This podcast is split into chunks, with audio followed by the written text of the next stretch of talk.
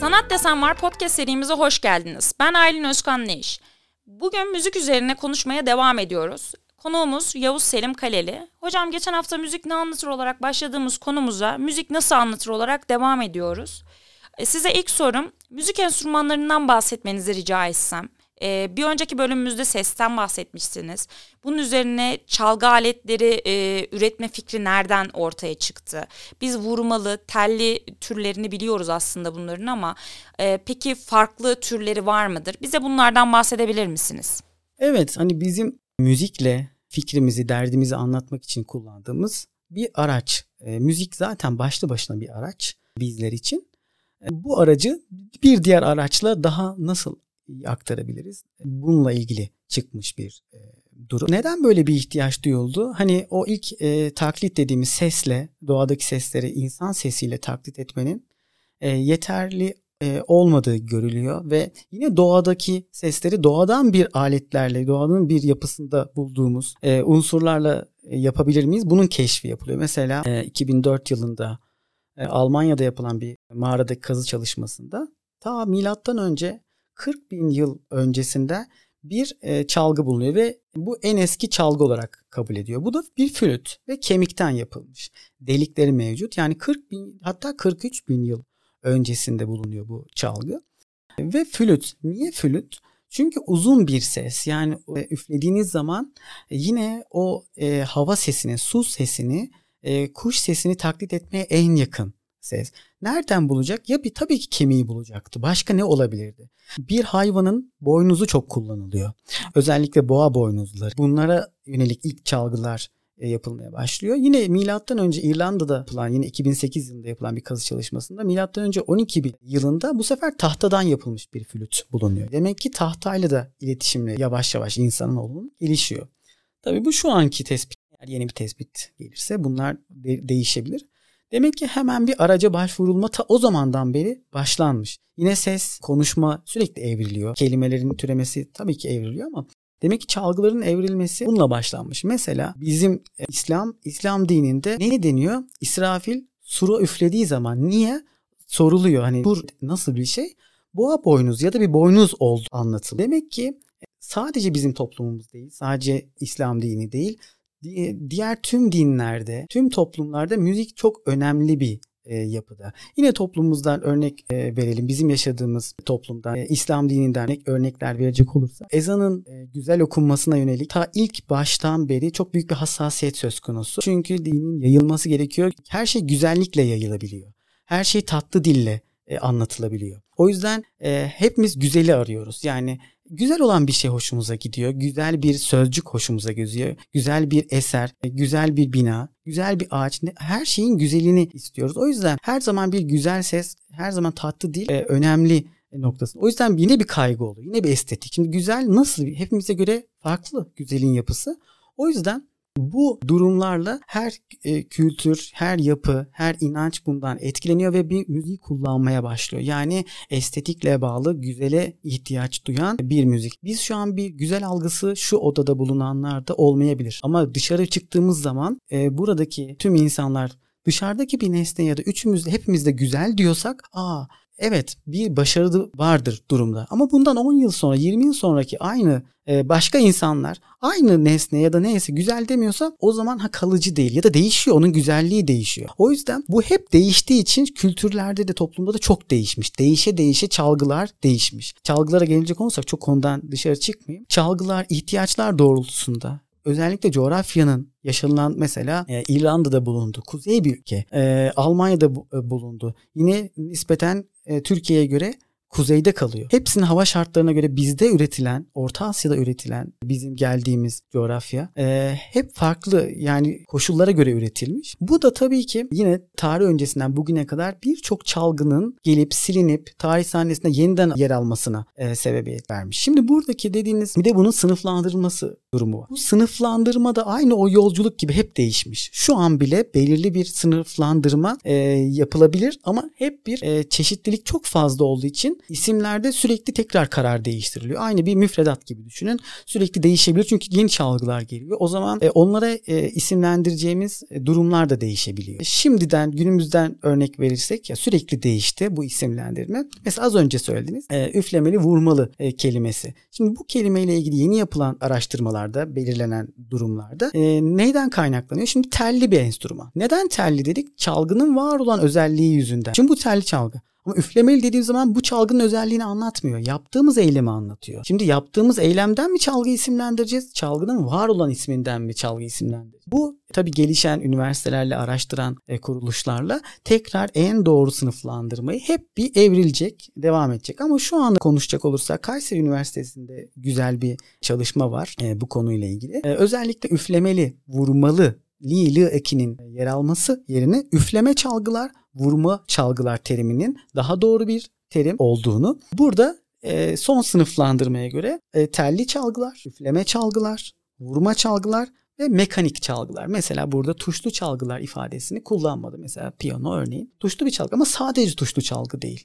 İçerisinde tuşa basıyorsunuz, oradaki çekiç hareket ediyor, tele vuruyor. Aynı zamanda telli de bir çalgı. Bu ifadeyi de hem tuşlu çalgı hem telli çalgı dememek için hani böyle sınıflandırmayı daha etkili yapmak için mekanik çalgılar olarak e, adlandırıyor. Tüm bunların ismi de akustik çalgı olarak geçiyor artık. Yani kendi sesini herhangi bir dış etkenden etkilenmeden kendi kendine bu sesi üretebilen çalgılar akustik çalgı. Bu başlık altında telli mesela örneğin keman telli bir çalgı ama yaylı çalgı tanımlaması da mevcut. Bu sefer yani yine o teli hareket etmek, ettirmek için kullanılan aracı kullanmayalım deniyor. Mesela telli çalgıların içine de artık keman giriyor. O zaman bağlama mesela tezeneli çalgıya girecek. Çünkü kullanılan araç tezeneydi ya da mızraptı.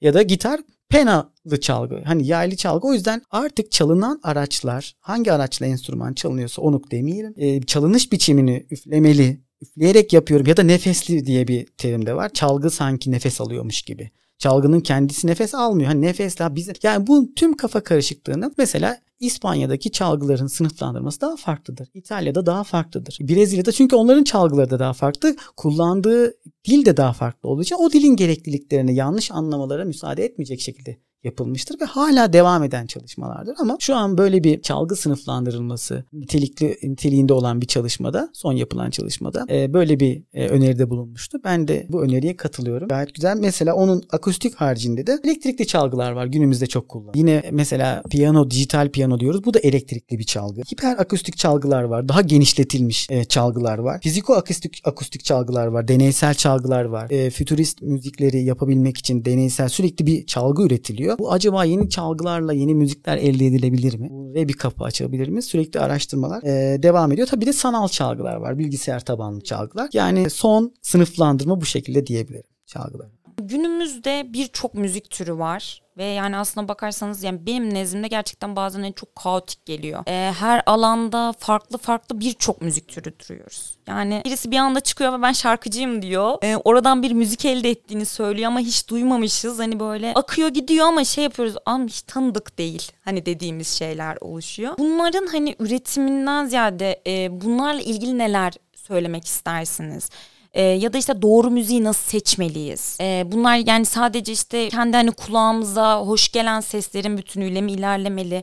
Yoksa gerçekten doğru ses dediğimiz yani doğru müzik dediğimiz bir kavram türü var mı? Bir sürü müzik türü var. Yani hepimiz yaşadığımız çevreyle etkileşerek bir müzik türü bulmuşuz ve bunun bir kendi içinde kümeleşmiş. Bir homojen yapıya olmuş ayrılmış diğer yapıdan. Ve biz bu ayrı yapılara isim bulmaya çalışmışız. Mesela ilk dedik ya estetik kaygı. Bir tane halk ozanımız bir e, durumu görüyor anlatmak istiyor. Ciğeri yanmış ya da bir kendi aile yaşantısını anlatıyor. Neye göre anlatacak? Dinlediği duruma göre anlatacak. Bir anda o geliyor. O ama bir kaygısı yok. Hani şurayı böyle yapayım. Buradaki sözler olmadı. Yok burada müziği biraz da böyle bir kaygı yok. O içindeki duyarak o geliyor. O ozanlık durumu. Ne oluyor? O zaman bir halk müziği ortaya çıkıyor. Yani bir geleneksel yani hep gelenekle gelenekle gelenekle birleştirilmiş bir müzik yapısı ortaya çıkıyor. Bir kaygısı yoktu. Şöyle güzel olsun, şöyle çok satsın, şöyle para kazanayım. Böyle bir kaygı yoktu. O zaman ne oluyor? Bizim bir daha ayırmamız gerekiyor. Ekonomik sebeplerle mi yapıldı bu müzik? Yok hayır. Ekonomik olmayan sebeplerle mi? Yok. Hiçbir ihtiyacım yoktu. Bir şey mi anlat? Bir araç olarak mı kullanacaktı?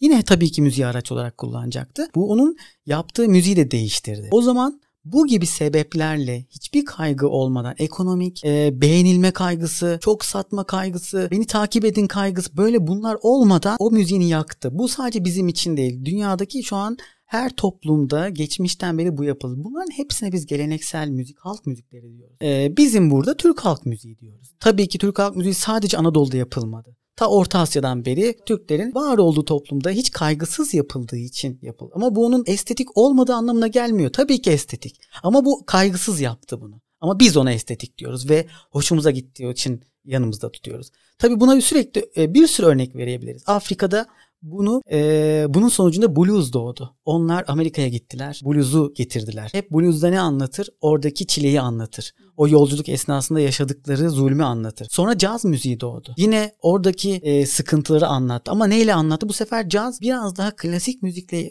ilgili unsurları birleştirdi. Onun bilgi birikimini birleştirip bir müzik doğdu ama hepsi halk müziği, halk çıkarttı. Ama bir anda türü kümeden ayrıldığı için homojen başka bir yapı buluştuğu için biz ona isim bulduk. Bu sefer Amerikalılar, Amerika'daki beyazlılar onları anlatmak için country müziği buldu. Hani country müzik dedik. Onlar beyazlar yapıyor çünkü. Bu sefer tamamen Amerikan halk müziği deyince ikisi ayrıldı. Bir, e, ne oldu? Bir an sınıfsal, siyasi ya da toplumsal şey müziğin isimlendirilmesinin farkına sebebiyet verdi. Portekiz e, halkları için fado geldi mesela ha, onlar onların müziği de o zaman bunu diyeceğiz. Ee, Yunan halk müziği rembetiko o geldi aa tamam o zaman bunun, bunun ismi bu olsun. Ama hepsi aslında aynı kaygıyla yapıldı. Halk müziğiydi. Bu kaygı e, günümüze doğru geldikten geldiğinde mesela okullu müzikler başladı. Bir eğitimi verilsin. Mesela bir geleneksel müzik olduğu için sabit bir okul yoktu halk müziğimizin.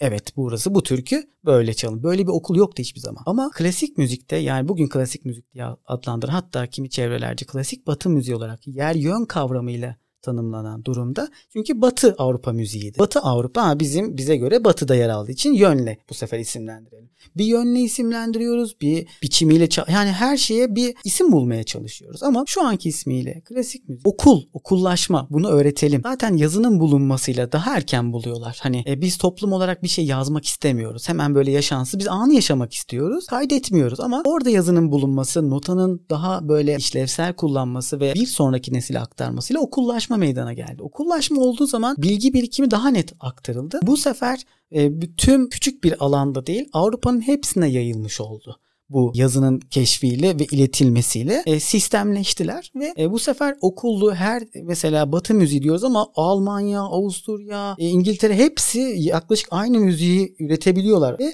bunun isimlendirmesine klasik olarak diyoruz. Ama bizdeki bizim topraklarımızdaki klasik müzik olarak baktığımızda Türk sanat müziği karşımıza çıkıyor. Nasıl yap, yapmıştı? Saray müziği olarak görüyoruz Türk sanat müziğini. Bizim Osmanlı'daki Osmanlı saraylarında yine halktaki e, müzik algısından daha farklı, daha okullu, daha böyle sarayda birbirleriyle e, iletişimle öğretilen müzik. Daha e, net yine küme olarak başka bir kümede yer alıyor. Yine bizi anlatıyor. Bizle ilgili bir şey. Bizim çalgılarımız ama daha böyle bir daha kaygı düzeyi daha yüksek. Daha böyle estetik olsun diye, daha nitelikli eserler e, benzer olmasın diye daha böyle okullu makamlar net şekilde ortaya çıkarılmaya çalışıyor. Usuller isimleri konmaya çalışıyor. İsimlendirilerek yeni nesillere aktarılmaya çalışıyor. O zaman klasik Türk müziği diye de adlandırdığımız, Türk sanat müziği de, diye de adlandırdığımız müzik türü burada kendini temelde e, okullu bir müzik, bir saray müziği olarak karşımıza çıkıyor. Tabii bunun için bunun içinde de bir sürü tür var. İlahi türü ortaya çıkıyor. E, din, dini müziklerimiz e, ortaya çıkıyor. Dini müzikte peki biz hangi müzik türünü kullanacağız? Şimdi dini müzik diye ayrı bir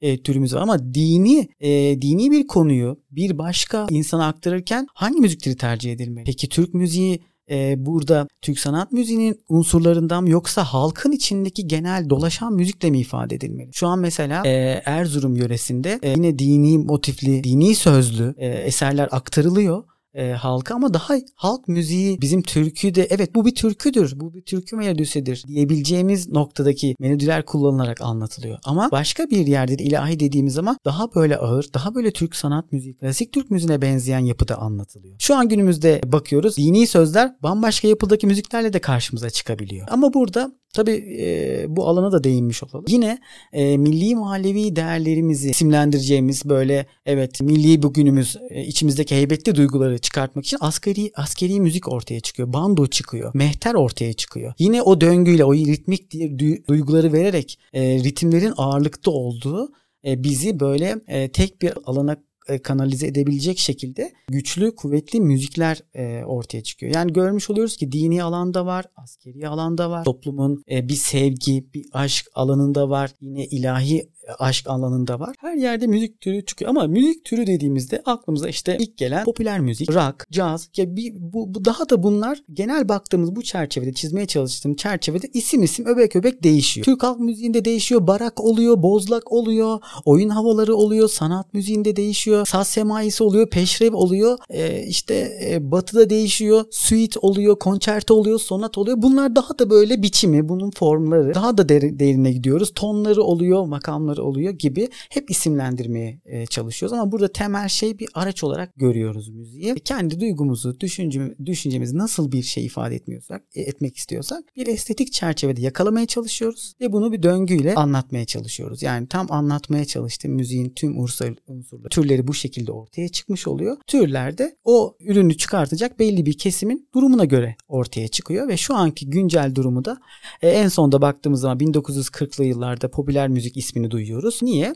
E, çünkü yaşantımız da ona göre değişiyor. Şu an mesela e, önceden radyo programları da çok uzundu. Televizyon programları da çok uzun. Ama şu an biz kısaca hap dediniz mesela. Hemen hemen e, almak istiyoruz. Filmler çok uzundu artık bir saate düşüyor. Videoları 10 dakika hadi hayır bir dakikada anlat. O zaman ne oluyor? Kolay tekrar edilebilen popüler müzik ortaya çıkıyor. Hemen anlatmalı. Bir nakaratı olsun, ufacık bir köprüsü olsun, tekrar ilk başta bir girişi olsun, sonra bol nakaratta tekrar edelim ve bırakalım. Önceden mesela ara sazlar oluyordu, 6 dakika sürüyordu, o girelim sonra 3. Artık daha da, hayır onlara da gerek yok. Artık sözü net anlaşsın, bizi biraz tekrar ettirecek, biraz hap melodi olsun ve biz bunu tüketelim. Bu tükettiğimizde de hızlı e, tükettiğimizde de şu an 1940'lı yıllardan beri popüler müzik ve kısaltılmış adıyla pop müzik adını veriyoruz. Bunun niteliğiyle ilgili hiçbir durum e, konuşmuyorum. Sadece ihtiyacımız şu anki toplumun, şu anki jenerasyonun ihtiyacı bu. Buna yönelik de müzikler yapılıyor. Ben bu şekilde size son sorumu sormuş oldum. Ee, bize söylemek istediğiniz, bilgilerinize ek yapmak istediğiniz bir şeyler varsa. Özellikle şu an e, yeni yetişen neslimiz için bir ek yapmak istiyorum. Şu an e, ülkece e, bazı konularda daha ileri gitmemiz gerekiyor. İhtiyacımız olan noktalar var. Özellikle yeni yeten, yetişen çocuklarımıza, yeni yeten Türk gençlerine, milli ve manevi değerlerine bağlı yetiştirmek istediğimiz Türk gençlerine müzikle çok ilgilenmesini istiyorum. Sürekli ailelerden o gençlerimizi e, müzikle kuşatmasını, ama güzel, doğru, inandığı güzel müziklerle sürekli haşır neşir olmalarını sağlamalarını istiyorum. Çünkü buna ihtiyacımız var. Bununla uğraşmayan, sanatla uğraşmayan, e, tüm sanatı tabii ki katıp katmamız gerekiyor. Uğraşmayan çocuklarımızı başka kötü niyetli durumlarda esir alındıklarını görüyoruz. Başka zararlı alışkanlıklara ya da zararlı düşüncelerin o insanları, çocuklarımız esir aldığını, çok önceden esir aldığını görüyoruz. Ben burada müziğin, sanatın orada e, oradaki çocuklara daha farkındalık yaratacağını düşünüyorum. Hem ailelerde ve onları koruyacağını düşünüyorum bu yapıda. Özellikle hem faydalı sanatlarla, müsbet bilimlerle uğraşmasını diliyorum. Müzik hepimize şifa olacaktır, sanat da şifa olacaktır. Bundan hepimiz e, nasibimizi alalım. Teşekkür ederim hocam geldiğiniz için. E, gerçekten çok güzel bir programdı. Bugün Yavuz Selim Kaleli hocamız ile beraberdik. E, müzik hakkında konuştuk. E, inşallah bir sonraki programımızda görüşmek üzere. Sanat ile kalın.